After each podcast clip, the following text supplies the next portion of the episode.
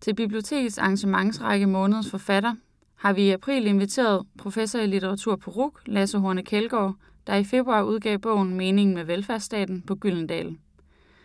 Bogen er en bearbejdning af hans doktorafhandling, som han forsvarede i juni sidste år. Informationslitteraturkritiker Tu Andersen Næksø har kaldt afhandlingen for kronen på værket for 10 års forskningsindsats, og den første virkelig store akademiske bedrift i det, der har været en vigtig strømning i udforskningen af moderne dansk litteratur siden årtusindskiftet, nemlig spørgsmålet om de måder, dansk litteratur og velfærdsstaten har påvirket hinanden. Til at tale med Lasse har vi inviteret Claus Rothstein, der er kritiker og radiovært på P1 Skønlitteratur.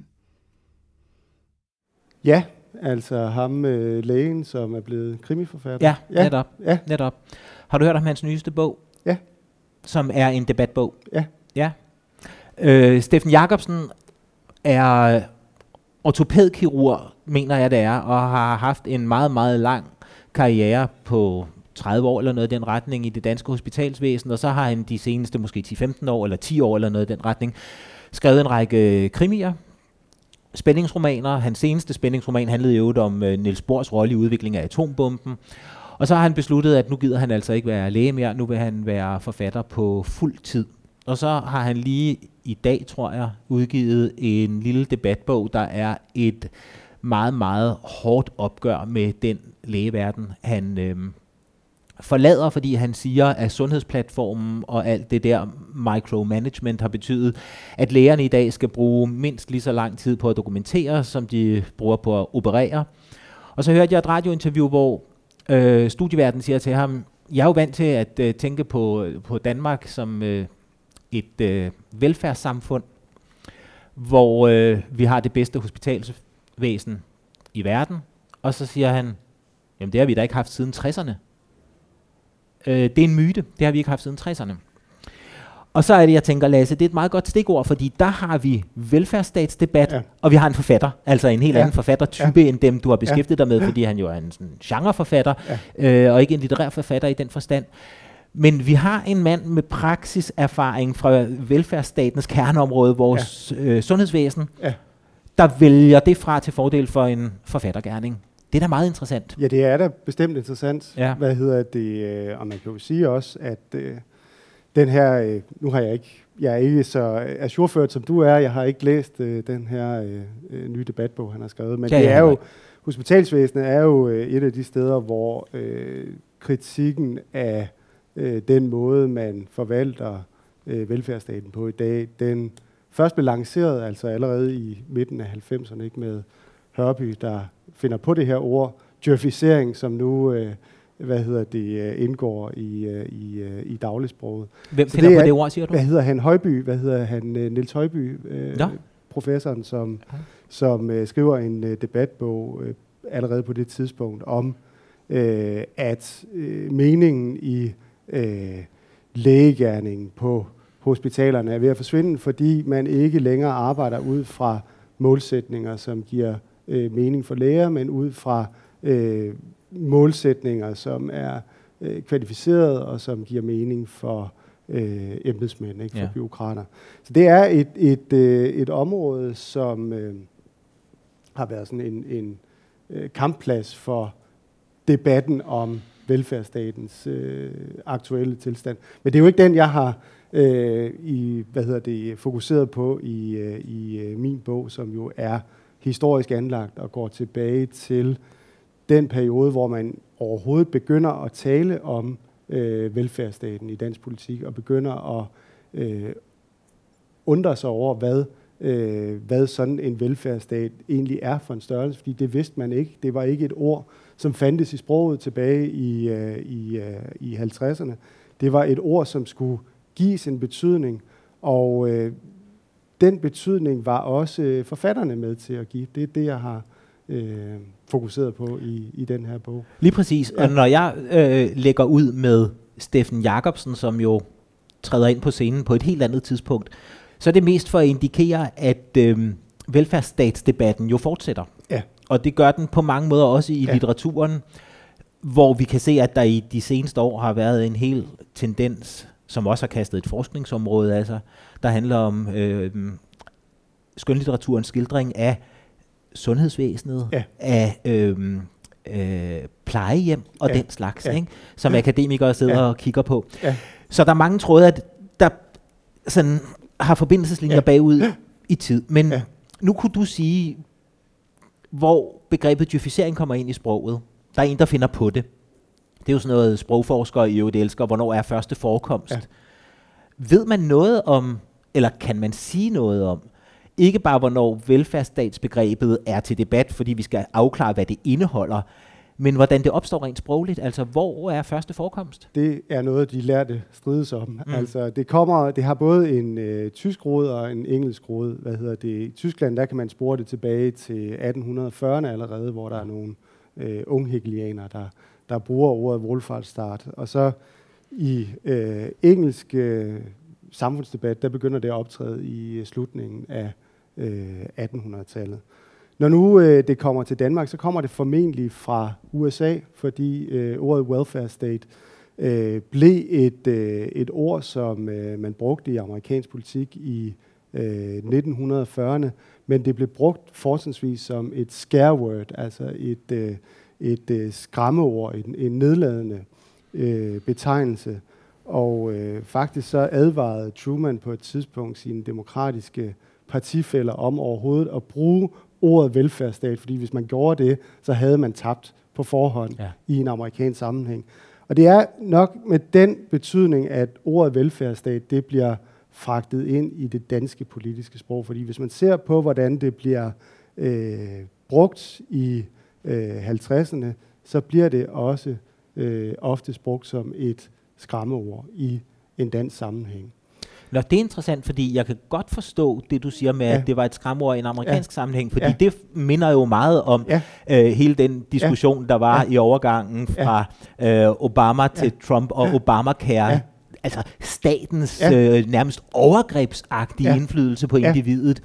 Men det hvordan præcis, øh, det var, præcis, var det i en præcis det, Jamen, det var præcis det samme. Og Nå. det siger jo også noget om, hvad det er for nogle øh, værdier, der har ændret sig i mellemtiden, ja. at, at det er så øh, fjern fra os, at, at ordet velfærdsstat overhovedet skulle kunne betyde noget negativt. Hvad hedder det? Øh, det kom frem øh, i øh, en stor diskussion, der var i 1956 om, hvorvidt man skulle indføre folkepension eller ej. Mm. Og det var der mange, der advarede imod, fordi det var, det var, øh, hvad hedder det, det var øh, vejen direkte til velfærdsstaten, man betrådte, hvis man indførte en øh, folkepension. Og det skulle ja. man for alt i verden undgå.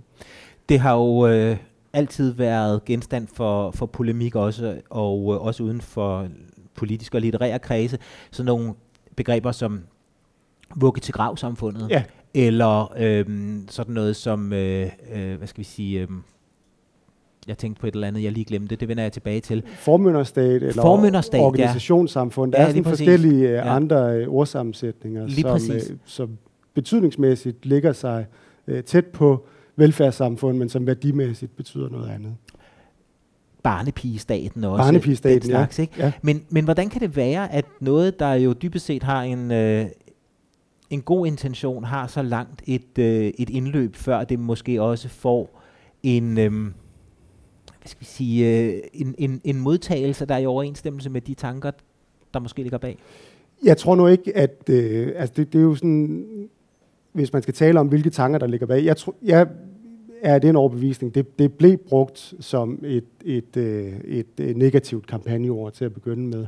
Så var der dem, der jo var øh, fortalere for de her ting, som man brugte til at øh, og, øh, hvad hedder det, betegne med ordet velfærdsstat, altså folkepension og øh, forskellige andre øh, sociale ydelser, ikke, som efterhånden tog ordet til sig og begyndte at bruge det som et ord for øh, et samlet øh, samfundsprojekt, altså en, en, en samlet politisk vision. Og det var jo især Socialdemokraterne, der kom til at gøre det. Men det gjorde de kun gradvist. Altså, de var heller ikke meget for at tale om velfærdsstat til at, at begynde med.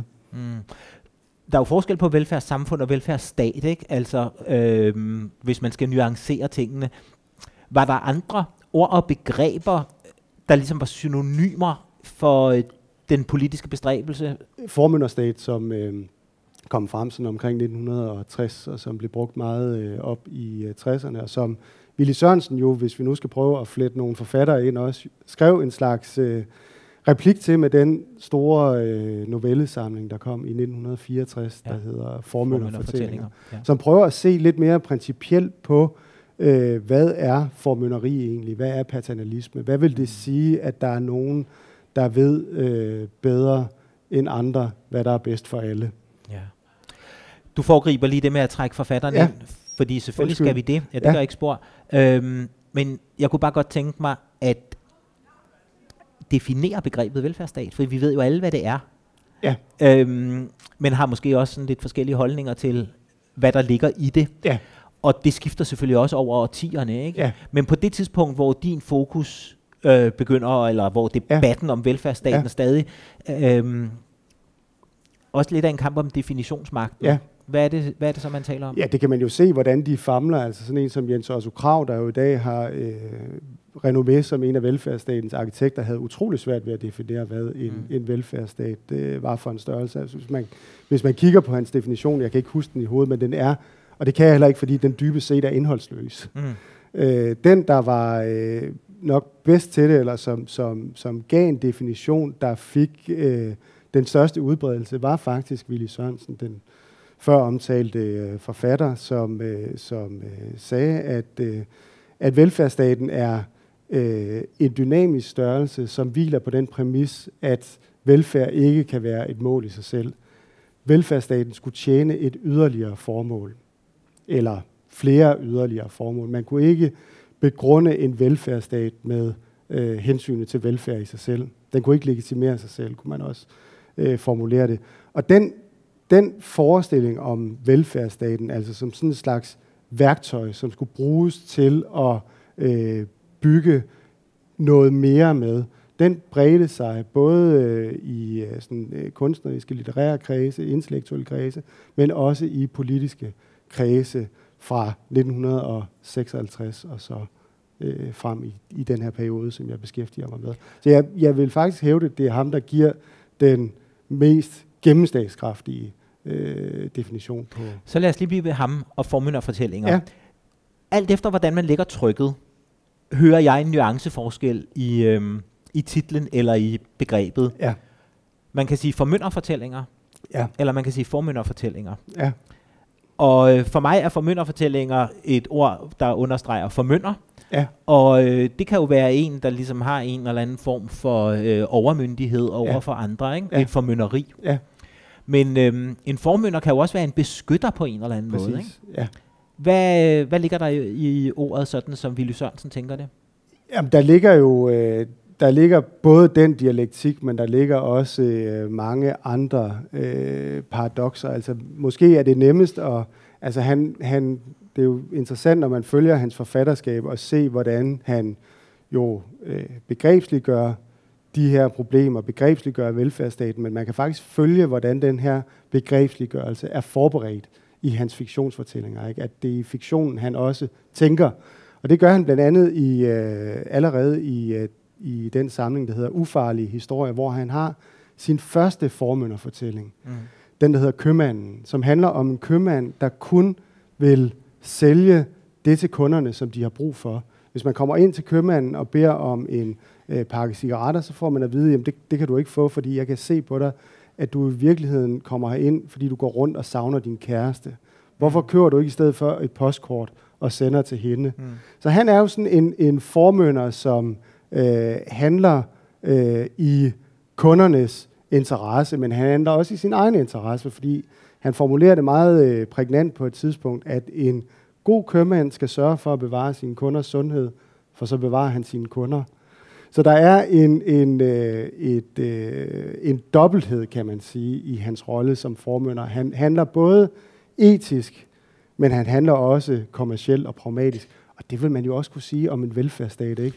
Den, den tager jo også øh, vare på øh, borgerne på øh, mange forskellige måder, men den gør det jo også, fordi den har en interesse i at øh, bevare øh, en befolkning af øh, sunde, arbejdsomme skatteydere. Lige præcis. Så hvis vi siger købmand, stat, ja.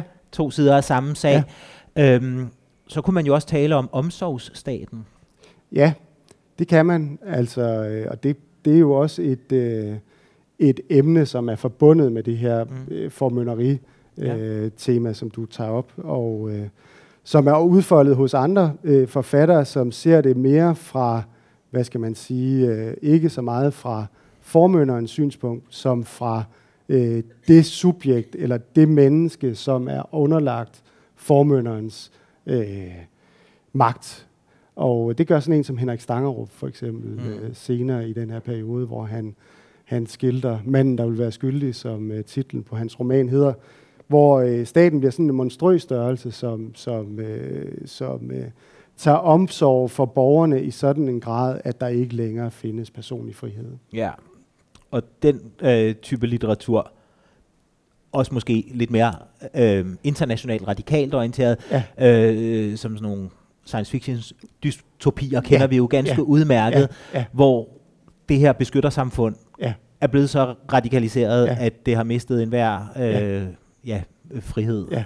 Øh, for borgerne. Ikke? Og der er der jo selvfølgelig øh, forskel på, hvad, altså, der er jo politisk tendenslitteratur, ikke, som har en, en, øh, en øh, klar og øh, meget tydelig interesse i at øh, fremstille øh, velfærdsstaten øh, ud fra nogle politiske motiver. Mm. Så er der jo også, øh, altså hvis vi igen tager Willy Sørensen, som på en måde er krumtappen for meget af det her, han stiller det jo ikke frem som et, et øh, en slags perversion ved velfærdsstaten. Han stiller det heller ikke frem som et problem, man kan løse, men som nogle paradoxer, der ligger i selve samfundsformen. Ja. Og på den måde har han, øh, har han været med til at tænke også, vil jeg hævde, over nogle af de problemer, som øh, politikerne, de politikere, der skulle øh, etablere velfærdsstaten og som skulle øh, styre den, de kom til at sidde med. Lad os lige blive ved Willy Sørensen som forfatterfigur. Fordi han er jo både skønlitterær forfatter og samfundsengageret debattør, ja. filosof og så videre. Og, øh, Willy Sof. Willy Sof, Willy Soffen. Og øh, det, som jeg rigtig godt kan lide ved den epoke, du skildrer, det, som jeg også godt kan lide, når det sker i vores samtidslitteratur, det er, når forfatterne har dobbeltrollen.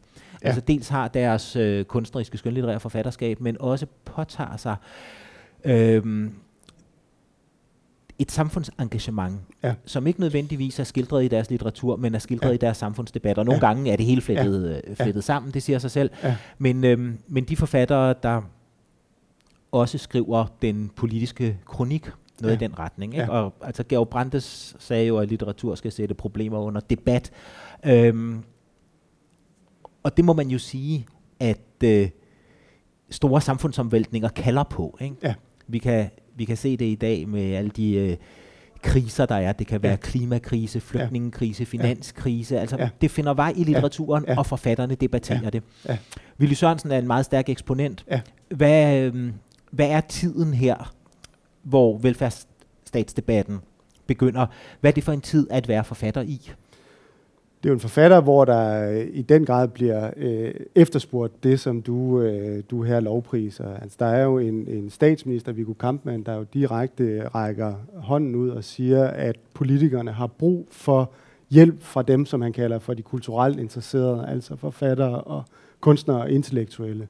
Fordi man er i gang med at man er i gang med et politisk eksperiment, man er i gang med at etablere et, øh, en type af samfund, som man ikke øh, på forhånd kender beskaffenheden af, og heller ikke, man kan forudsige, at mange af de løsninger, som man øh, kommer til at vælge og kommer til at implementere, de vil medføre andre problemer. Mm. Derfor er der brug for øh, modspil. Der er brug for øh, forfattere, intellektuelle, som tænker med over de her øh, problemer.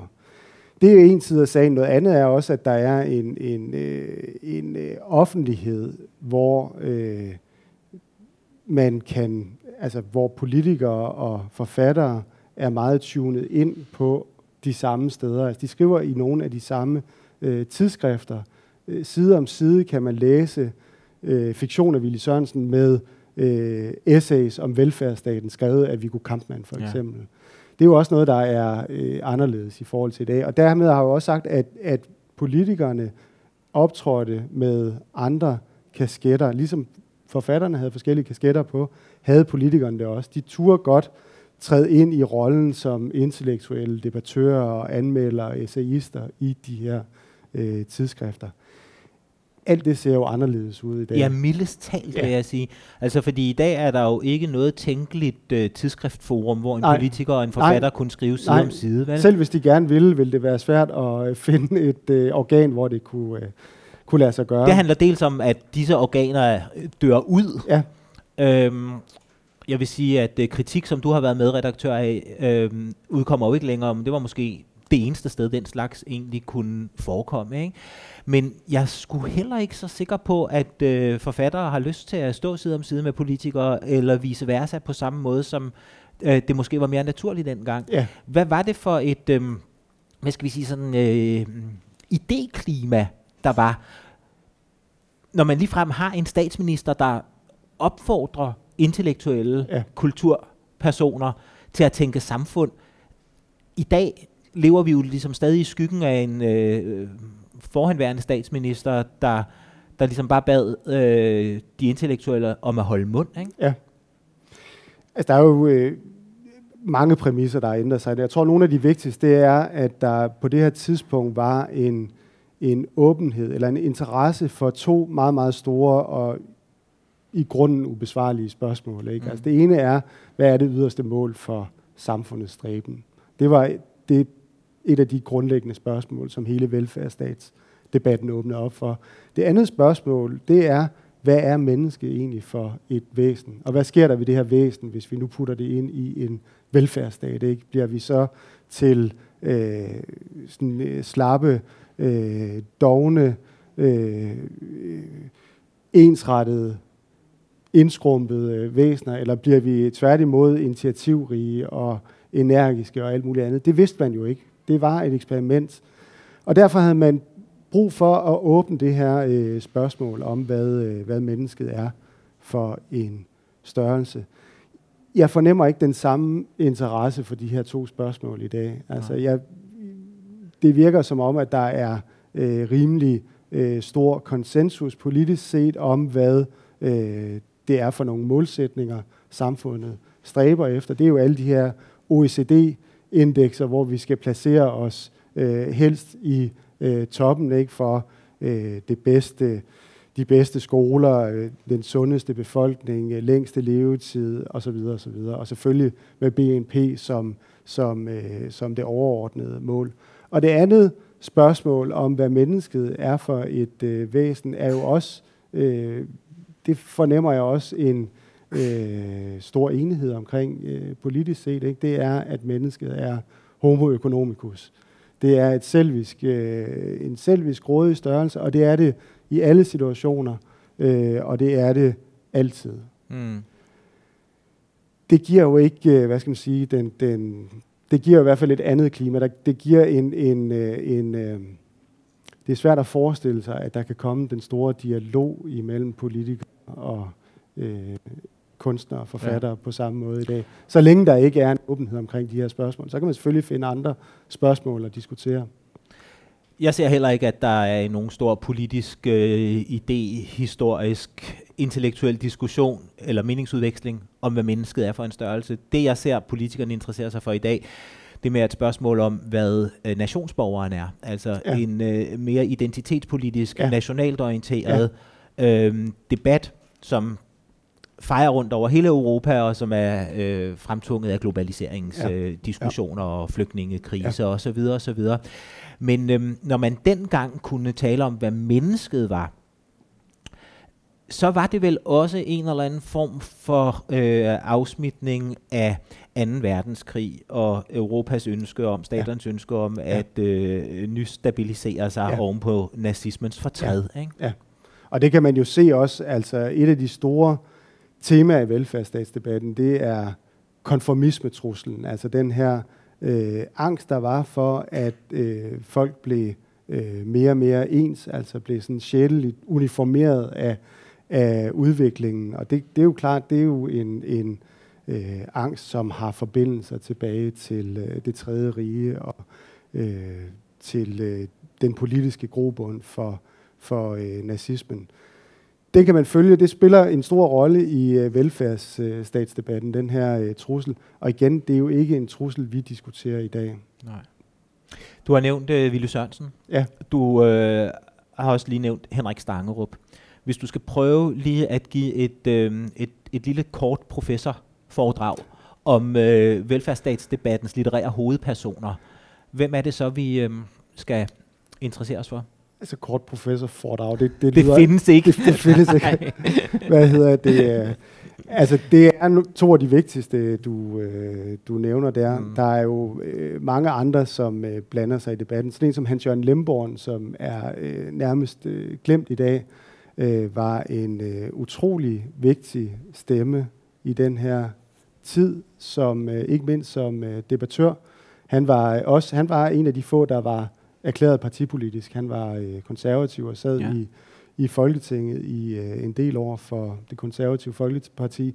Og han var en, en øh, meget øh, velformuleret og slagkraftig modstander af velfærdsstaten. Man kan faktisk følge, hvordan øh, første gang Jens Otto Krav overhovedet bliver tvunget til at øh, forholde sig til øh, velfærdsstaten som begrebslig størrelse, så er det fordi Hans Jørgen Lemborn provokerer ham til det. Mm. Øh, Elsa Græs er en, øh, en anden øh, vigtig skikkelse. Erik Knudsen, som skriver øh, satire, satiriske skuespil, øh, digte, og som også øh, skriver essays om øh, velfærdsstaten. Øh, Claus Rifbjerg. Ikke så meget som øh, debattør, selvom man faktisk kan følge, altså det allerførste Claus Rifbjerg, han får øh, bragt i øh, politikken, det er et indlæg i en velfærdsstatsdebat, der kører på det her tidspunkt. En debat om, hvorvidt velfærdsstaten skaber vrede unge mænd. Nå, hvornår er det? Det er i 1957. Okay, lige omkring hans debut. Lige altså omkring hans lige debut, efter hans debut, ja. Og sat i gang af en nybagt student ved navn Hans Hertel, ja. som har fået lov til at skrive en øh, kronik i politik. Den ja. sætter så gang i en, en øh, diskussion sommeren over, om det nu kan være rigtigt. Altså. Og øh, der, tager, øh, der tager Rifbjerg faktisk øh, velfærdsstaten i øh, forsvar. Mm. Det er ikke som, som, øh, som øh, hvad skal man sige, som debattør, han spiller så stor en rolle, men nogle af hans øh, digte, og ikke mindst filmen Weekend øh, fra 1962, som han øh, lavede sammen med nyligt afdøde øh, Palle Kjærp Schmidt, er en, øh, en, vigtig, øh, en vigtig film i den, ja. i den øh, i den historie. Anders Bodelsen er en, øh, en anden vigtig forfatter, som øh, jo i øh, midten af 60'erne slår igennem med nogle fortællinger, nogle tekster, som er øh, meget anderledes end de her abstrakte, symbolske, modernistiske fortællinger, som Willy Sørensen han havde trakteret med. Han slog igennem med noget, man på det tidspunkt kaldte for nyrealisme. Ja. Og øh, en del af det her nyrealistiske projekt gik simpelthen ud på at prøve at finde ud af, øh, hvad er den her velfærdsstat egentlig? Altså, hvordan, hvordan ser den ud? Hvad er det for nogle nye miljøer, som er opstået i den? Hvad er det for nogle nye omgangsformer? Og hvad er det for en ny type mennesker? Mm. Og hvad er det for nogle øh, nye sociale og psykologiske problemer, de har?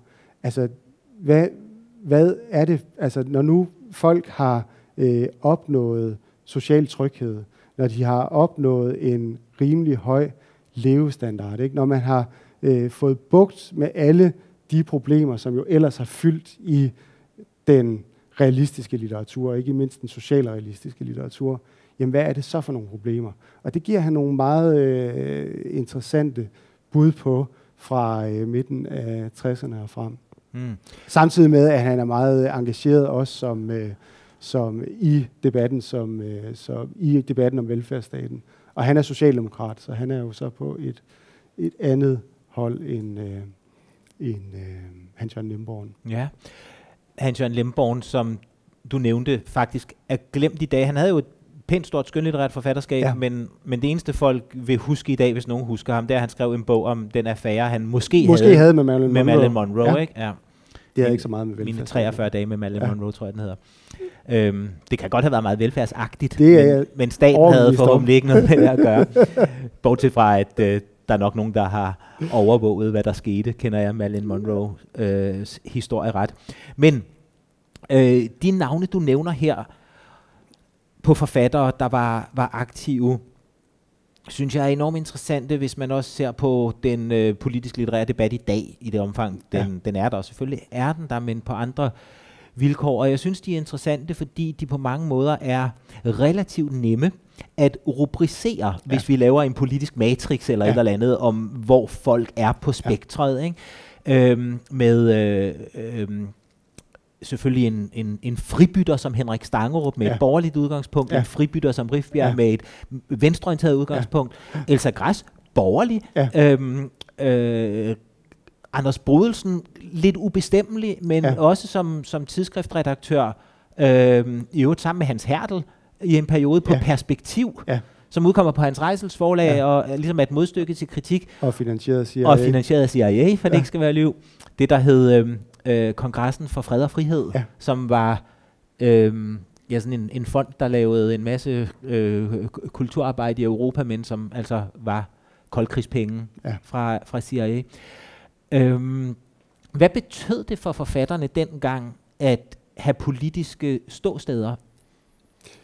Det var jo noget, de øh, gerne ville øh, undgå i hvert fald at blive fixeret på den måde, som, øh, som du nu lægger op til i sådan mm. en øh, matrice. Der er jo det her berømte af Claus Rifbjerg, Livet i badeværelset fra øh, 1958. Det kom så senere i digtsamlingen Konfrontationer, som som har den her berømte øh, linje, jeg er ikke for fastholder. Mm. Det er jo et digt, som, hvor øh, jeget er en badesæbe, og der sker ja. alle mulige frygtelige ting, hvis man prøver at holde den her badesæbe fast. Så det var sådan en trussel, øh, kan man sige, Claus Rifbjerg, han, øh, han udstedte med det digt. Hvad hedder det? Øh, og det var jo vel, undskyld Lasse, også sådan, han selv gerne ville præcis. opfattes.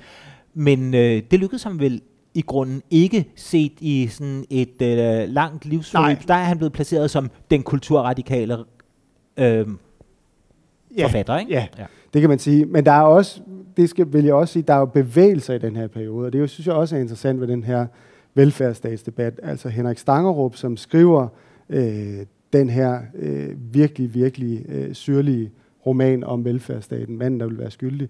Han var faktisk en stor velfærdsstatsfortaler i mm. begyndelsen af 60'erne i opposition til øh, Hans Jørgen Lemborn. Erklæret opposition til Hans Jørgen Lemborn. Så det er jo interessant også at prøve at finde ud af, hvorfor ændrer de holdning undervejs. Hans Hertel, som øh, blev nævnt øh, tidligere i i, øh, som jo træder frem her i 1957, ja. øh, er også modstander af velfærdsstaten. Det bliver han heller ikke ved med at være. Nej. Så der sker sådan udviklinger på trylle, kryds og tværs. Ole Hyltoft har jeg slet ikke Nå, nævnt. Ja, for pokker da. Ja. Stor skikkelse ja. i, uh, i, uh, i debatten, som jo Socialdemokrat så har, på det tidspunkt, senere Dansk Folkeparti. Præcis. Ja. Så, øh, så de var ikke for fastholdere, i hvert fald ikke alle sammen. Mm. Der er jo flere af de her forfatterskaber, du har nævnt, hvor man tænker, at øhm, de har ikke rigtig nogen plads i litteraturhistorien. Ja. Ole Hyltoft heller ikke. Øhm, Hans-Jørgen Lemborn heller ikke. De andre i, i selvfølgelig langt, langt højere grad. Ja. Men øhm, øh, sådan en som Henrik Stangerup, når du nævner, at han var i opposition til Hans-Jørgen Lemborn, ja. Så tænker jeg, at øh, Hans-Jørgen Lemborn var erklæret konservativ, ja. partimedlem og ja. folketingsmedlem ja. i en periode. Stangerup var vel borgerlig, men ville ikke øh, bekende sig til et enkelt parti, vel? Så er det ikke også en eller anden form for øh, altså positionskamp mellem den fri jo, forfatter jo. og så den forfatter, der jo. Går ind i et parti jo. og sådan ligesom besmusser jo. sig på den måde? Det er en god pointe, og han følte sig jo misbrugt bagefter Henrik Stangerup. Ja. Da Erik Nien Hansen for eksempel, han øh, forsøgte at bruge manden, der ville være skyldig, meget direkte i sin, øh, i sin øh, politiske politiske agitation. Ja. Det er der jo ingen forfatter, der ønsker at blive spændt for. Nej, og, og det skal de jo heller ikke. Det vil jo være, øh, det vil jo være, øh, det vil jo være ret kedeligt, hvis det, hvis det var sådan. Mm. Vi har talt om politikere, vi har talt om forfattere. Hvis politikere og forfattere overhovedet skal give nogen mening, så skal der også være nogen, der stemmer på politikerne, og nogen, der læser forfatterne. Ja. Andre end politikerne, ja. de få, der ja. øh, har opfordret dem til at blande sig i debatten. Hvad tænker vælgerne og læserne? Altså, øh, der er jo meget, meget stor forskel på, hvor læste de her forfattere er. Ja. Og, og også når nu der er, når du nævner, at mange af dem er, er glemt i dag, det er jo fuldstændig rigtigt. Og jeg har ikke, jeg har ikke haft sådan et rehabiliterings, et æstetisk rehabiliteringsprojekt med den her ja. bog. Jeg har ikke, det er ikke fordi, jeg gerne vil vise, prøv at se, hvor, hvor god en forfatter Ole Hyltoft faktisk var, eller øh, Hans-Jørgen Limborg, eller Henrik Stangerup for den sags skyld. Det er jo, øh, på en måde er det mere et, altså et, et, øh, et historisk rehabiliteringsprojekt, fordi når vi tænker tilbage i dag på, eller når man skriver om, hvem det var, der tegnede og etablerede velfærdsstaten, ikke, så taler vi jo om øh, embedsmænd og politikere. Vi taler om øh, Viggo Kampmann, vi taler om Jens Otto Krav, vi taler om Erik Ib Schmidt og Henning Fris og hele den her kongerække, men vi taler ikke om forfatterne. Nej. Og det vil jeg faktisk gerne have, vi gør noget mere, fordi de var vigtige i diskussionen. Altså, der er nogle ting i måden, man øh, formulerede og tænkte i det hele taget velfærdsstaten på i den her periode, som man ikke kan forstå, hvis man, hvis man øh, udelukker, øh, eller hvis man, hvis man ikke interesserer sig for forfatternes øh, bidrag. Ja.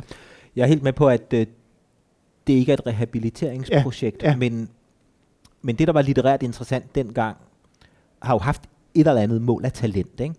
Ja. Øhm, og øh, noget af det står vel nok distancen. Og nu er vi jo på et bibliotek, og hvis ja. ikke det hele er blevet kørt på fjernlager, ja. øh, men er i nærdepot, ja. så kunne man jo i princippet gå hjem med en roman af Ole Hyltoft eller Hans-Jørgen Lemborg efter det her møde. Ja. Øhm, hvad for en læseoplevelse vil man få, eller rettere sagt, kan du huske nogle titler, som peger ind på på den her debat, fordi det var vel ikke sådan, at alt, hvad de skrev, var optaget af Nej, nej, nej, nej. Hvad hedder det? Hvis man vil læse noget af Hans Jørgen Lemborg, skal man øh, læse hans øh, øh, øh, hvad hedder det, pastiche, Grev Frederik, eller den bedste af alle verdener. Grev Frederik. Eller den bedste. Og, ja. og i grunden synes jeg, man skal lade være, fordi der er langt bedre øh, forfatter. Jeg synes, ja. jeg synes, Anders, det har været en stor øh, oplevelse at prøve at læse Anders Bodelsen ja. på ny. Også fordi han var, øh, han var klemt i tiden. Altså han, øh, han var øh, øh, blev fremstillet som, øh, som øh, en slags opposition til modernisterne. Ikke? Ja. Senere, lidt senere kom marxisterne så fra en anden kant og, øh, og øh, gav ham øh, bøllebank. Ikke? Altså man skulle prøve at læse, kommer man prøve at læse i dag, noget af det, Ralf Pittelkov han skrev ja. i sin marxistiske periode om Anders Bodelsen. Der var simpelthen ikke grænser for, øh, hvilken ondskab det her øh, forfatterskab det repræsenterede i marxisternes øh, øjne. Det er jo interessant at prøve at læse øh, sådan en forfatter igen, og så prøve at og øh, tænke det ind i en kontekst. Og det var dengang Ralf Pittelkov var fløjkæmper til yderste venstre, ja, ja, før han ja, blev ja, øhm, ja begyndte sin lange, lange rejse mod højre, ja, ikke? Ja. Øhm, sammen med, med sin kone Karen Jespersen. Ja. Men, men Anders Bodelsen bliver klemt, øhm, siger du, blandt andet også af modernisterne. Ja. Vel også fordi han ikke kan skrive de der modernistiske digte, øh, men er sådan en stabil prosaist, ikke? Ja, det er han. Altså i bund og grund umoderne. Ja, det kan man. Ja, Eller nej. Hvad? Nej, overhovedet ikke. Altså, der, der er jo virkelig mange, øh, hvad hedder det, øh, træk i hans øh, realisme, som er, som er meget eksperimenterende, kan man sige. Mm. Men på en anden måde end den her formspringende ja. øh, modernistiske skabelon. Og i det hele taget har jeg, har jeg virkelig gerne, altså det er jo, det er jo en periode, som, som øh, mange nok er blevet undervist i, i øh, dansk undervisningen. Altså perioden fra 1950 til til 80. Ikke? Der er jo de her øh, forskellige æstetiske retninger. Der er modernismen i dens øh, øh, forskellige øh, øh faser. Der er konkretisme, og øh, der er systemdækning osv. Jeg har gerne vil prø- prøve at lægge de her æstetiske etiketter til siden, til side, og så prøve at øh, læse litteraturen ind i forhold til den her debat, som, som forfatterne jo tydeligvis var optaget af og engageret i. Ja når, når man tænker på øhm, det offentlige rum, velfærdsstatsdebatten udspiller sig i, der er den politiske debat, der er litteraturen. Ja. Der, vi har nævnt et par tidsskrifter, ja. som faktisk spiller en større rolle, ja. end man måske egentlig kan forestille sig i ja. dag. Ikke? Ja. Men så er der jo også øhm, aviserne, hvor debatten udspiller sig. old media i de gode gamle dage. Og forfatterne har jo øh, ofte relationer til de der aviser, og aviserne har politiske udgangspunkter, ja. og ofte også øh, politiske relationer. Altså politikken ja. var knyttet til det radikale venstre, ja. Berlingske til det konservative Folkeparti ja. osv. Øhm, hvad kan man sige om forfatterne og aviserne? Det var et godt spørgsmål. Øh, altså, hvad tænker du på, om der er nogen øh, øh, forbindelse eller nogen korrelation imellem, hvor de skriver henne, og hvordan de selv stiller sig? Ja, og hvad, og hvad de gør, tænker jeg på. Fordi en ting er jo, at man kan skrive et debatindlæg og en kronik ja. osv., øhm, men man kan jo også bruge aviserne øhm, måske som Rifbjerg så ofte har gjort til at skrive ja. sådan journalistiske lejlighedsdigte, eller, ja. eller hvad ved jeg. Ja. Er aviserne et forum for den litterære velfærdsstatsdebat? Det er et af forerne, mm. og man kan jo sige, hvad hedder det nu i forhold til det her med at at placere sig politisk. Altså, Willy Sørensen lagde øh, meget stor vægt på at publicere øh, hver anden kronik i Berlingske Tidene og hver anden kronik i Aktuelt. Ja. Ikke? For ligesom ja. at vise, øh, hvad hedder det, at det ikke var et, øh, et, et partipolitisk ærne, han var, han var øh, ude i. Så det var helt sikkert noget, de var bevidste om også, hvad det var for nogle politiske betydninger, som lå i avisen som, øh, som, øh, som platform. Og Stangerup var over det hele også? Han var over det hele. Ja. Hvad hedder, det var Anders Bodelsen også. Ja. Og øh, Anders Bodelsen skrev på samme tid i perspektiv, som du, øh, du øh, nævnte, eller redigerede endda perspektiv, ja. og skrev i øh, politisk revy, som var mm. øh, meget venstreorienteret. Mm. Det viser jo igen også, hvordan de forsøgte at brede sig. Men så er det jo interessant at se også, hvordan øh, partierne jo har øh, tidsskrifter, ikke mindst Socialdemokratiet har øh, tidsskrifter, øh, Verdensgang og øh, øh, Frit Forum og øh, Ny Politik, som har et, et, altså redaktionelt har et meget stort indhold af øh, kulturelt og litterært materiale. Det er jo også øh, ret vildt i forhold til i dag. Altså i øh, 50'erne og 60'erne, der kan man øh, i næsten hvert eneste nummer af Verdensgang, der er der store, store artikler om øh, ny litteratur, eller ny teater, eller ny litteraturteori, skrevet af Niels Egebak. Ja. Øhm, så, så det var jo... Øh, det altså var en, en, en professor, ja. en teoretiker, en ja, ja. akademiker, ja. der sidder og Virkelig skriver... en langhåret øh, teoretiker. Ja. Det var andre tider dengang. Det var andre tider. Ja. Men, men det viser jo, hvordan, og det er jo også noget, der øh, er øh, væk i dag, altså den her, øh, det her DNA, som partierne havde, ikke? at de var øh, kulturelle bevægelser til at begynde med. Ikke? Altså det radikale venstre er jo ja. et parti, der er udsprunget af en litterær bevægelse, nemlig øh, det moderne gennembrud og brandesianismen og hele det litterære venstre. Ikke?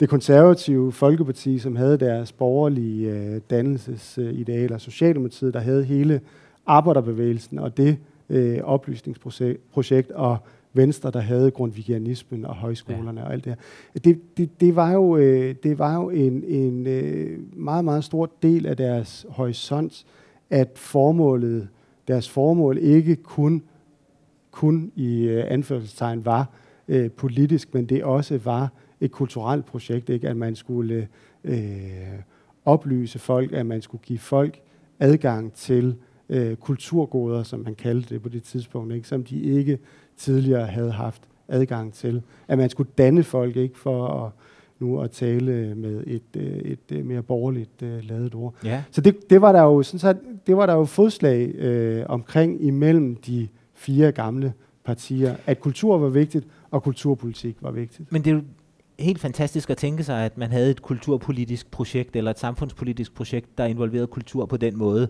når man i dag udelukkende har en kulturpolitisk debat, der handler om nedskæringer. Ja. Øhm, og så måske en, øh, en meget synlig øh, øh, mediepolitisk øh, diskussion, men under den ligger der jo også en værdidebat. Ja. Øhm, og så en gang imellem, som du siger, nogle øh, identitetspolitiske øh, udladninger i forhold ja. til, til det nationale. Ja. Øh, prøv at fortælle mig om din... Øh, din forskningsmetode. Jeg ved godt, at det her det har været et forskningsarbejde, der har strakt sig over en lang overrække frem mod en doktorafhandling, som så bliver øh, øh, redigeret til, øh, til den bog, der udkom her for et par måneder siden.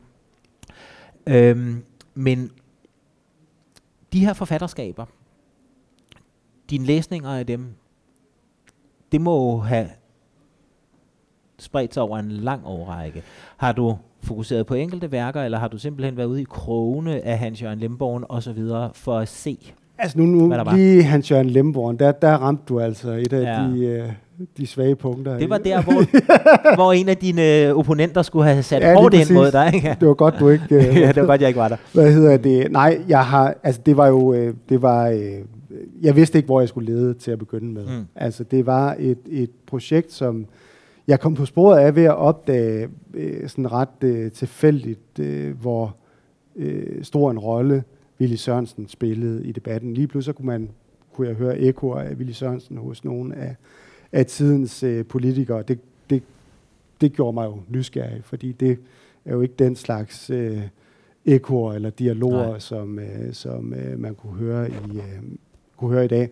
Så jeg satte mig til at, at, at simpelthen læse øh, tidens store forfatterskaber, samtidig med at jeg prøvede at læse mig ind på den her velfærdsstatsdebat, og har også siddet med et stort øh, avismateriale og tidsskriftsmateriale og prøvet at, at øh, følge nogle tråde i debatten. Altså, det er jo sådan et, en, en struktur, der er i den, ikke? at den, den, den har nogle øh, underliggende spørgsmål, faktisk mange underliggende spørgsmål, og den har de her temaer, som den, øh, den udfolder sig omkring, og så har jeg forsøgt at, at forfølge dem.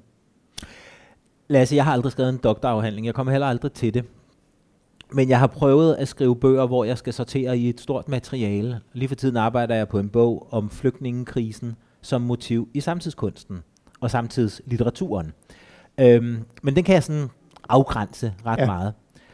Tidsmæssigt ja. afgrænse. Men hver gang jeg tror, jeg har overblik, ja. må jeg konstatere, at det har jeg alligevel ikke. Ja. Fordi der er sket noget nyt. Ja. Hvordan i alverden bar du dig ad med i det her meget, meget omfattende materiale? at øhm, finde ud af, hvornår du ligesom kunne sige, her tæller ikke længere, og lade være med så at se, hvad der var bag næste hjørne? Hvad hedder det? Jeg har prøvet at, øh, at strukturere den ud fra den her forestilling om velfærdsstaten. Forestilling om, at, at velfærdsstaten, det er, eller den sociale velfærdsstat, det er platformen, hvorpå der skal bygges noget yderligere. Altså den her periode, hvor der er kan man sige, en utopisk dimension i velfærdsstatsdebatten. Og det kan man spore ret præcis, hvornår den øh, forsvinder. Det gør den nemlig i løbet af 70'erne, og det har jeg nogle forskellige øh, hvad hedder det, øh, belæg for.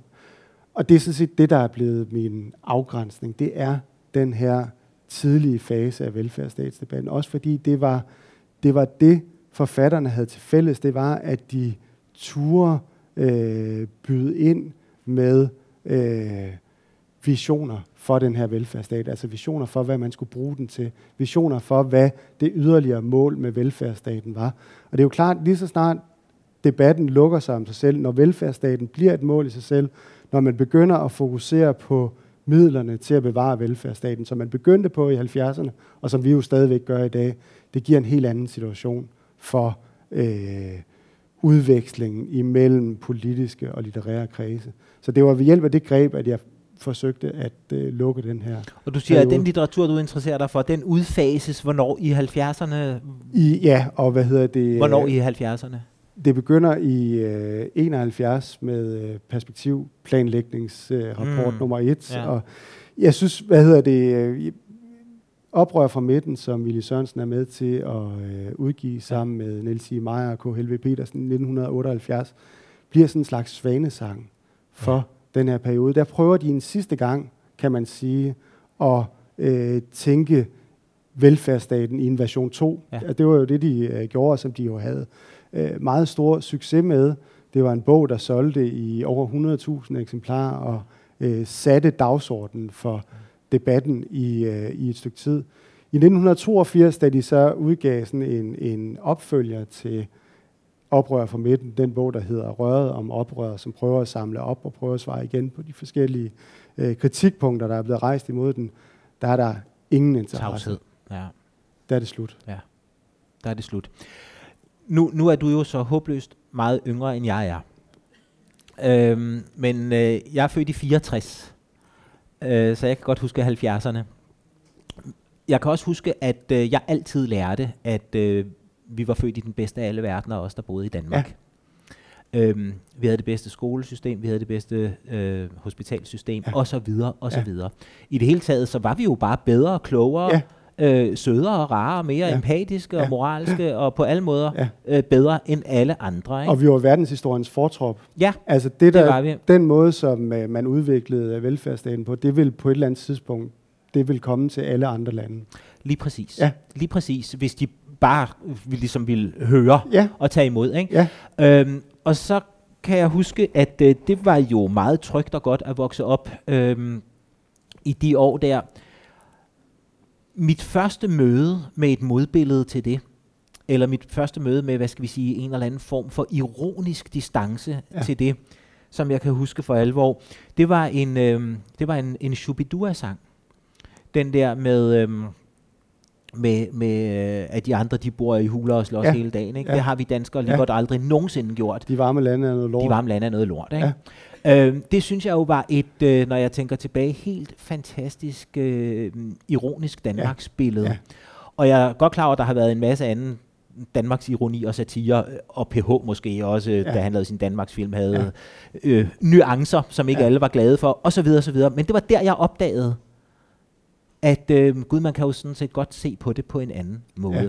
Og så gik vi ind i et ironisk årti for alvor. Ja. Øhm, eller et koldt årti med 80'erne, ja. et ironisk årti med ja. 90'erne. Ikke? Ja. Og så er vi fremme øh, i dag, og jeg tænker, at velfærdsstatsdebatten og litteraturen øh, er der jo på mange måder stadigvæk. Kender du det her tidsskrift, der hedder Atlas? Ja, det er fremragende.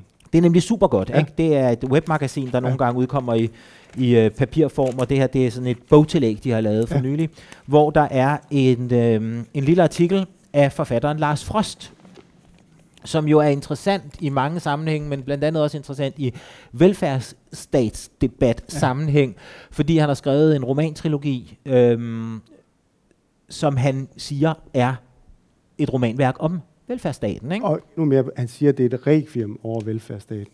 At, hvad siger han? Undskyld? Det er et requiem over velfærd. Et requiem over, ja, ja. ja, så meget desto mere ja. interessant. Ikke? Det er de her tre bøger, øh, Smukke biler efter krigen, Ubevidst rødgang, og så Skøn virke. Og i den her artikel, som bare er sådan en, en enkelt side her, der nedlægger han sig selv som øhm, offentligt debatterende forfatter. Ja. Han gider ikke mere. Nej. Han tager afsked med samfundsdebatten. Ja. Har du læst uh, artiklen ja, her? Ja.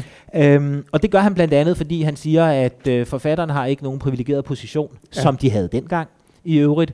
Øhm, fordi nu kan en hver idiot jo få opmærksomhed, hvis ja. bare man råber højt nok og dumt nok længe nok. Ja. Og manden har fuldstændig ret. Ja. Øhm, det er jo fint, at uh, debatten er blevet uh, liberaliseret, demokratiseret, sociale medier kan gøre, at alle kommer til ord. Men vi ved jo godt, at det ikke nødvendigvis betyder, at det er uh, de klogeste, ja. øh, der diskuterer med hinanden ja. hele tiden. Nå, hvad siger det dig, at en forfatter, der har skrevet øh, moderne velfærdsstatsromaner, forlader den del af øh, forfattervirket, som vi talte om indledningsvis, også er den offentlige debat? Jeg synes jo, det er sjovt, at han øh, føler behov for at offentliggøre sin ja, ja. Øh, udmeldelse i øh, den litterære offentlighed. Men du ved godt, Lasse, at alle, alle der, der tager en pause fra Facebook, er jo nødt ja. til at offentliggøre, at de gør det. Ikke? Ja. Øhm, ja. Det, ja. det ved vi godt. Det hører med til, ja. uh, til gamet. For tænk nu, hvis ikke der var nogen, der opdagede det. Ja, det Hvad hedder det? Ja, men jeg håber ikke, jeg håber ikke det er rigtigt. I så fald vil jeg, vil jeg savne ham, uh, ham meget også i... Uh, i debatten, men man kan jo sagtens forstå hans øh, bevæggrunde, den her øh, offentlighed, som jo er atomiseret, ikke? Som, som er øh, overalt og hele tiden, og som, øh, som jo også øh, lægger op til sådan en, en øh, både en polarisering, men også en ekstremisering af øh, synspunkterne. Ikke? Som du siger, man, mm. skal, man skal råbe højt for at øh, blive hørt i, øh, i øh, den offentlighed, der er i dag. Jeg kan sagtens forstå, hvorfor man ikke har lyst til at deltage. Og det er jo heller ikke, fordi det, altså, det er jo bestemt ikke øh, alle øh, forfattere eller kunstnere, som, øh, som bør øh, føle sig forpligtet til at deltage i den her øh, debat. Det vil jo være tyrannisk. Og det er ikke borgerligt ombud for forfattere. Det synes jeg, og det skal heller ikke være betingelse for at modtage kunststøtte nej, eller nej. den slags. Hvad hedder det? Så ja, det ville da være ærgerligt, hvis øh, han mener det. Men han er der vel stadig med romaner, tænker jeg. Ja, ja. Altså, der, ja, ja. der skal nok komme en ja. roman. Øhm, men under alle omstændigheder synes jeg et, øh, et interessant standpunkt at tage, og ja. et, øh, et, et interessant sted også, ja. måske at, at, øh, at runde af ja. på hele spørgsmålet om velfærdsstat ja. og forfatter, forfatterroller i den, i den offentlige debat. Fordi nu er der gået en time faktisk, siger mit øh, instinkt og ja. mit ur mig. Ja. Og øh, derfor så kan vi tage spørgsmål ind ja. fra, fra salen, hvis der er nogen af jer, der har lyst til at øh, stille Lasse et spørgsmål, eller komme med et synspunkt eller et eller andet, så er I meget velkomne. Og Tanne, du har en øh, mikrofon. Ja, ja, jeg har en mikrofon. Ja. Vi har en. Øh, jeg hedder René Jacobsen, og øh, jeg har ikke læst din bog endnu, så det kan godt være, at jeg kommer til at, at stille et spørgsmål, der er helt ved siden af. Men det undrer mig lidt, at du vælger at bruge øh, velfærdsstaten som dit, hvad skal man sige, dit udgangspunkt, og ikke den lidt bredere øh, velfærdssamfundet. Fordi velfærdsstaten, det bliver ligesom institutionerne på en eller anden led, ja. hvorimod velfærdssamfundet, det har også det der sociale kit, det sociale ja. lim, det der binder det hele ja, sammen. civilsamfundet. Ja, og, velfærdsstaten, den ja. tager ligesom befolkningen ud af den, ja. ud af den ligning. Og de forfatterskaber, som vi har snakket om her nu, der kan jeg godt se, at Ville Sørensen og Henrik Stangerup passer meget godt på velfærdsstaten, ja. Ja. men øh, Claus Rigsbjerg, Anders Bolsen osv., de orienterer sig vel meget mere imod i forhold til det der, sådan, hvad skal man sige, meget voksne middelklasse. Ja. Hvordan er det? Hvad er det for udfordringer, der ja. står overfor? Hvad er det for nogle ting, øh, ja. de vælger? Ja. Det er øh, meget, meget relevant, det du øh, påpeger. Hvad hedder det? Øh, men der er ikke nogen... Altså ordet velfærdssamfund, det er sådan et, der øh, kommer ind i øh, debatten i øh, løbet af 60'erne for at sætte ekstra skrue på øh, den her positive valorisering af udvikling, eller velfærdsudvikling, eller hvad vi nu skal, skal, skal kalde den. Jeg bruger velfærdsstatsbegrebet, fordi det var det, man, man brugte til at begynde med, øh, da ordet kommer ind i øh, debatten der i øh, 50'erne. Der taler man om, om velfærdsstaten. Og det er svært, altså der er jo ikke nogen, der sådan har lavet en, en udfoldet teoretisk gælden af velfærdsstat over for, for velfærdssamfund. Det findes ikke. Men det findes i den politiske retorik. Øh, Anders Fogh Rasmussen for eksempel, øh, hvis der er nogen, der kan huske ham, han, øh, han brød sig jo ikke om velfærdsstaten. Ikke? Han skrev jo den her, øh, det her manifest øh, fra socialstat til minimalstat, som, øh, som er en, en øh, velfærdsstatskritik, men han kunne godt lide velfærdssamfundet. Det talte han altid positivt om. Så, så det har en funktion i den politiske, øh, politiske diskurs. Og det var den bog, som Poul Nyrup øh, rev sider ja. ud af, ikke? Ja. Hvor, kan I huske det, han på en kongres for Socialdemokraterne polemiserede mod den der Anders Fogh bog og hæv sider ud af den og videre, ikke? Og det troede han, at han kunne slippe godt afsted med, altså at det ja. var sådan et godt, øh, øh, en god gimmick, men, men der var jo ingen, der kunne lide at se en bog Han tog fejl af, hvor stor respekt folk har for bøger. Lige præcis. Ja. Der var ingen, der kunne lide at se ja. en bog blive ødelagt. Nej. Det var faktisk meget interessant, ja. synes jeg. Jep, øh, vi har et spørgsmål her. Mange tak. Uh, jeg hedder Lukas. Uh, honoré, hvis det skal være så fornemt. Uh, jeg kan godt tænke mig at spørge, fordi jeg, jeg har hørt, at der nævne grundvenismen og øh, Venstre i samme, øh, i samme øh, sætning. Ja. Ja. Og det er for en, der er øh, født i næsten det, det 21. århundrede, ja. lidt fjernt fra mig. Ja. Mm. Øh, jeg er klar over, hvis man slår op i en historiebog, at det sådan, det forholder sig. Ja. Øh, I mellemtiden har der så også været en masse ideologikritik ja. og en ja. masse øh, øh, folk, der ikke kan tage stilling til et politisk parti. Ja. Man vil gerne væk fra den der ja. konkrete stillingstagen. Ja. Øhm, og så er mit spørgsmål så, tror du så, at uh, debatten har rykket sig over på de sociale medier? Tror du bare, at der, at selvfølgelig er der Atlas Magasin, men det er jo ikke, altså, det er vigtigt, fordi der er vildt mange mennesker, udover sådan hyperlitterære kredse, der rent faktisk uh, læser det, det er min klare opfattelse. Ja. Så er debatten rykket over på, på, på Facebook uh, eller andre sociale medier, og hvad gør det i så fald ved debatten? Det er et stort uh, spørgsmål, og du, du, du spørger en, der er idiot, øh, hvad sociale medier angår. Jeg, jeg har ikke nogen Facebook-profil, så det er, det er et, et meget teoretisk svar, jeg må ja. give dig. Hvad hedder det? Så vidt jeg kan forstå, så er det ikke en debat i øh, den her gammeldags øh, avisforstand, der udfolder sig på de sociale medier. Det er, en, det er jo ikke en udveksling af øh, argumenter omkring et fokuseret emne. Det er nogle nogle sådan, øh, øh, øh, følelsesfællesskaber, der opstår. omkring nogle, øh, nogle bestemte temaer, og som ikke rigtig møder hinanden, vel? Det er, der er jo det her øh, øh, ekokammer, den her ekokammer-metafor, som man ofte bruger om det. Det er noget helt andet, tror jeg, end, end øh, den her øh, mere øh, fokuseret og selvfølgelig også mere elitære øh, politiske debat, der var i, øh, i på det her tidspunkt. Jeg tror, Lukas, at, øh, og jeg har det ligesom Lasse, jeg er også en ignorant, hvad sociale medier angår. Det er bare et valg. Jeg er heller ikke på Facebook. Jeg har ikke engang været der. Nej. Har du været der? Nej, du har været Nej. Nej. Det kan være, at vi skulle melde os ind, og så melde os ud igen. For og lave en Facebook-gruppe ja. for dem, ja. der ikke er på Facebook. Ja. ja. Jeg tror, at, øh, at øh, ja, debatten er i meget høj grad på Facebook og Twitter og, og andre steder. Og det, der gør, at den så er anderledes end i de gamle dage, som øh, Lasse har forsket i, det er, at et synspunkt på Facebook er offentliggjort med det samme, og ofte skrevet øh, meget akut, måske i øh, en øh, polemisk situation, og at der ikke er nogen eftertanke, og der ikke er nogen redaktør, der antager det. Ligesom der var, når man skulle have en kronik eller et debatindlæg antaget, og det skulle skrives, og det skulle sendes, og så videre, og så videre. Altså, vi taler jo om gamle dage, hvor man skrev på papir og sendte med post med frimærke på. Posten kom frem dagen efter. Det findes så til gengæld ikke længere, men det gjorde den dengang. Men jeg tror, at, øh, at der simpelthen er en øh, betydning i, at der ikke længere er en indlagt reflek- refleksionsperiode, mens du skriver, men at du kan publicere akut. Og det ved jeg ikke, om er sundt. Altså, det er i hvert fald noget andet, men det kunne man jo ikke øh, tidligere. Og jeg tror simpelthen, at der er en, en øh, tidsting, som man må tage i betragtning, når man analyserer øh, måder at debattere på, dengang og nu. Må jeg stille op et spørgsmål? Yep.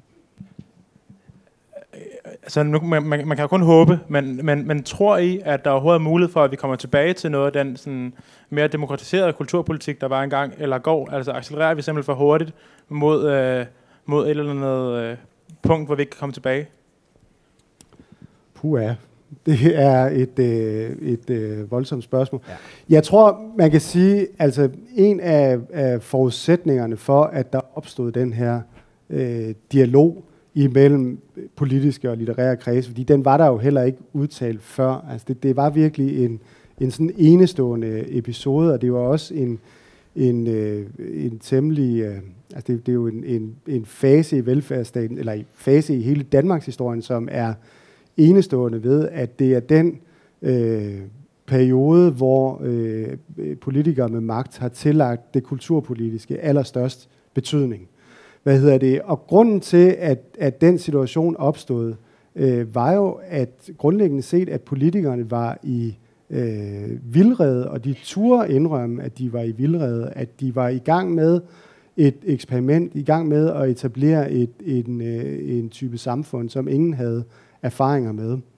Og den her, øh, hvad skal man sige, grundlæggende erkendelse af, at man ikke har øh, svaret på alle øh, spørgsmål, at man ikke kender løsningerne på alle øh, problemer, kunne jo godt indfinde sig igen, fordi det er jo ret tydeligt, for, i hvert fald for andre, at det er den situation, politikerne står i. Mm. Ja. Og så skulle de så bare prøve at spørge nogle andre end økonomer. Måske en forfatter. En gang Der er et uh, spørgsmål nede bagved. Ja. Hej. Hej. Uh, jeg var væk en del af samtalen, så måske har I talt om det her. Um, men du nævnte Elsa Gras, uh, men ellers er det kun mandlige forfatter. Ja. Um, og altså, findes ikke den her diskussion i kvindelige forfatteres velfærdslitteratur, og i så fald, hvorfor gør den ikke det? Hvad hedder det? Det er jo øh, en, en, hvad kan man sige, en, en defekt ved den offentlighed, der er på det her tidspunkt, at det er i høj grad en, øh, en øh, offentlighed, hvor mandlige forfattere fylder meget, meget mere end, end kvindelige forfattere. Hvad hedder det? Der er nogen, der blander sig. Nu nævnte jeg Elsa Græs, en anden forfatter, som ikke, der er ikke mange, der kender i dag. Alene Vedel Petersen, som også er en stemme i, øh, i, øh, i velfærdsstatsdebatten. Men ellers kan man sige, at, at der, hvor øh, hvad hedder det, øh, øh kvindelitteraturen virkelig får en, en meget mere prominent placering, altså i, i øh, op i 70'erne, der er det ikke velfærdsstaten, der som sådan er øh, et interessant emne. Altså der er det jo opgøret med patriarkatet, det, det handler om. Så, så jeg har haft svært ved at finde, jeg har haft sådan et, øh, du spurgte også før, hvordan har jeg struktureret det her? Jeg har haft et, et, øh, sådan et, et, øh, et princip om, at, at de forfattere, som jeg inddrog, skulle have en dobbelt praksis. Ikke? De skulle både øh, skrive fiktion om, der på en eller anden måde forholder sig til velfærdsstaten, og blande sig i debatten med direkte, direkte indlæg.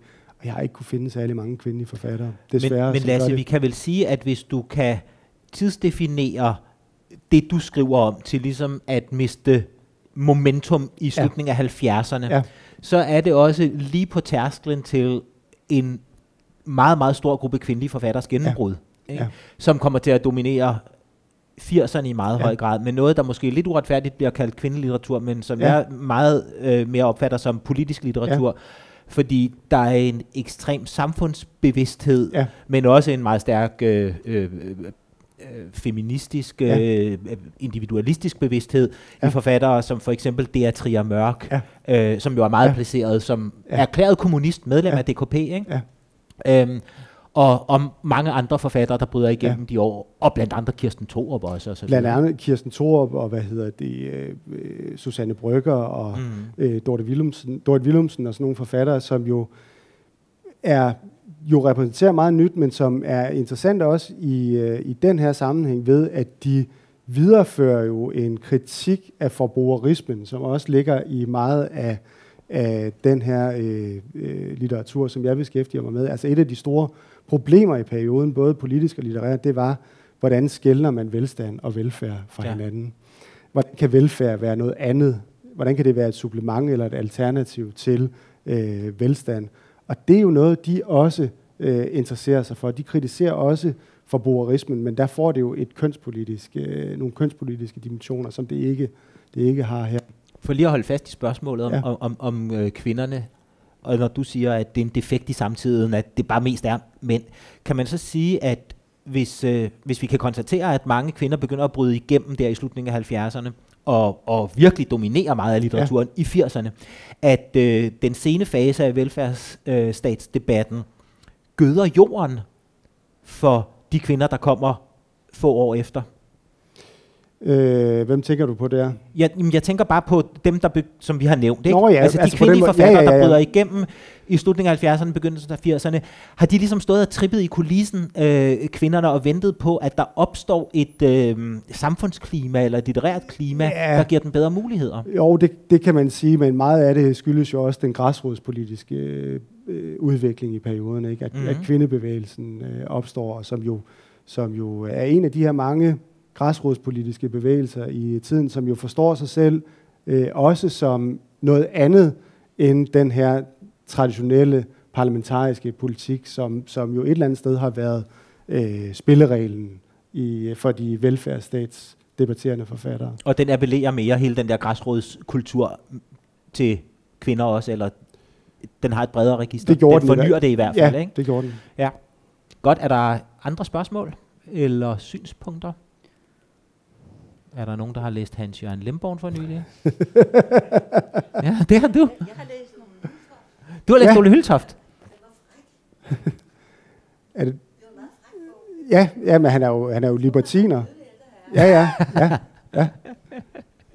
Du troede, han var... Det var han vel ikke, da han var og ung? Det, det, det skal jeg også huske at sige, hvis man, skal, hvis man gerne vil, øh, vil se noget frægt øh, vedrørende velfærdsstaten, så skal man se øh, Weekend, den her film, som ja. jeg talte om før, som øh, der er et stille foto øh, af på bagsiden. Den plejer jeg at præ- præsentere for mine studerende som et erotisk drama om velfærdsstaten.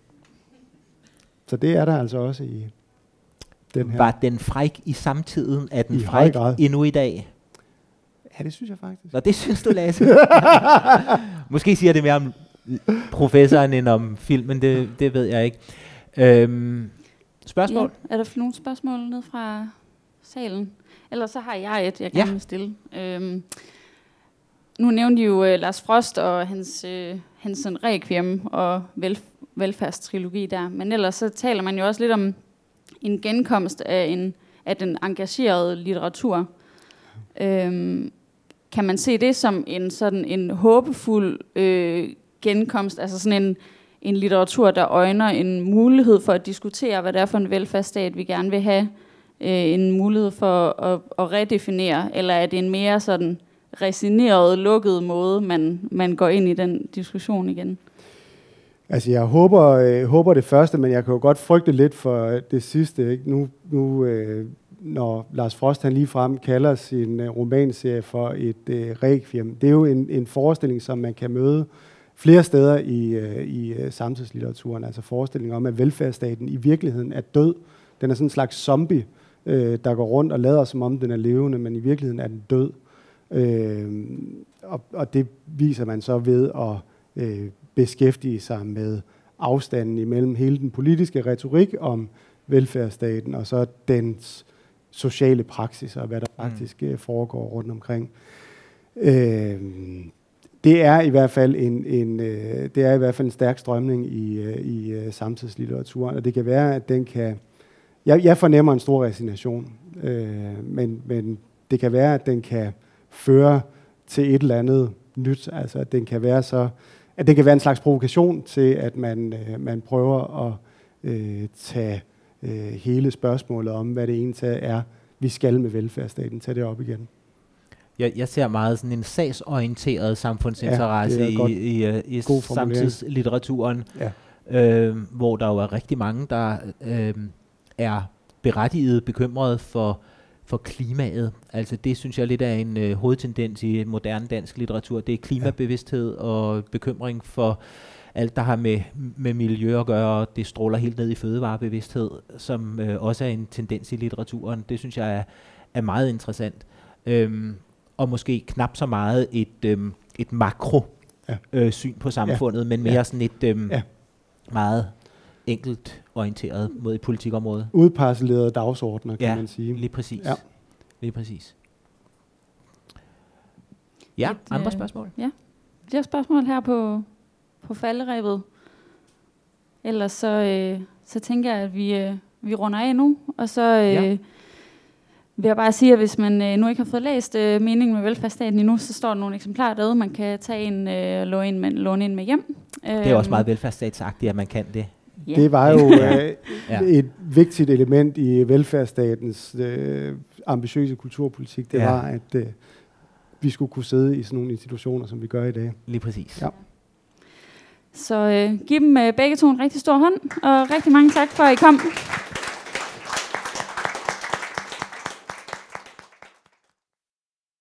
Du har lyttet til et podcast fra Københavns Biblioteker. Du kan finde flere podcast på bibliotek.kk.dk-lyd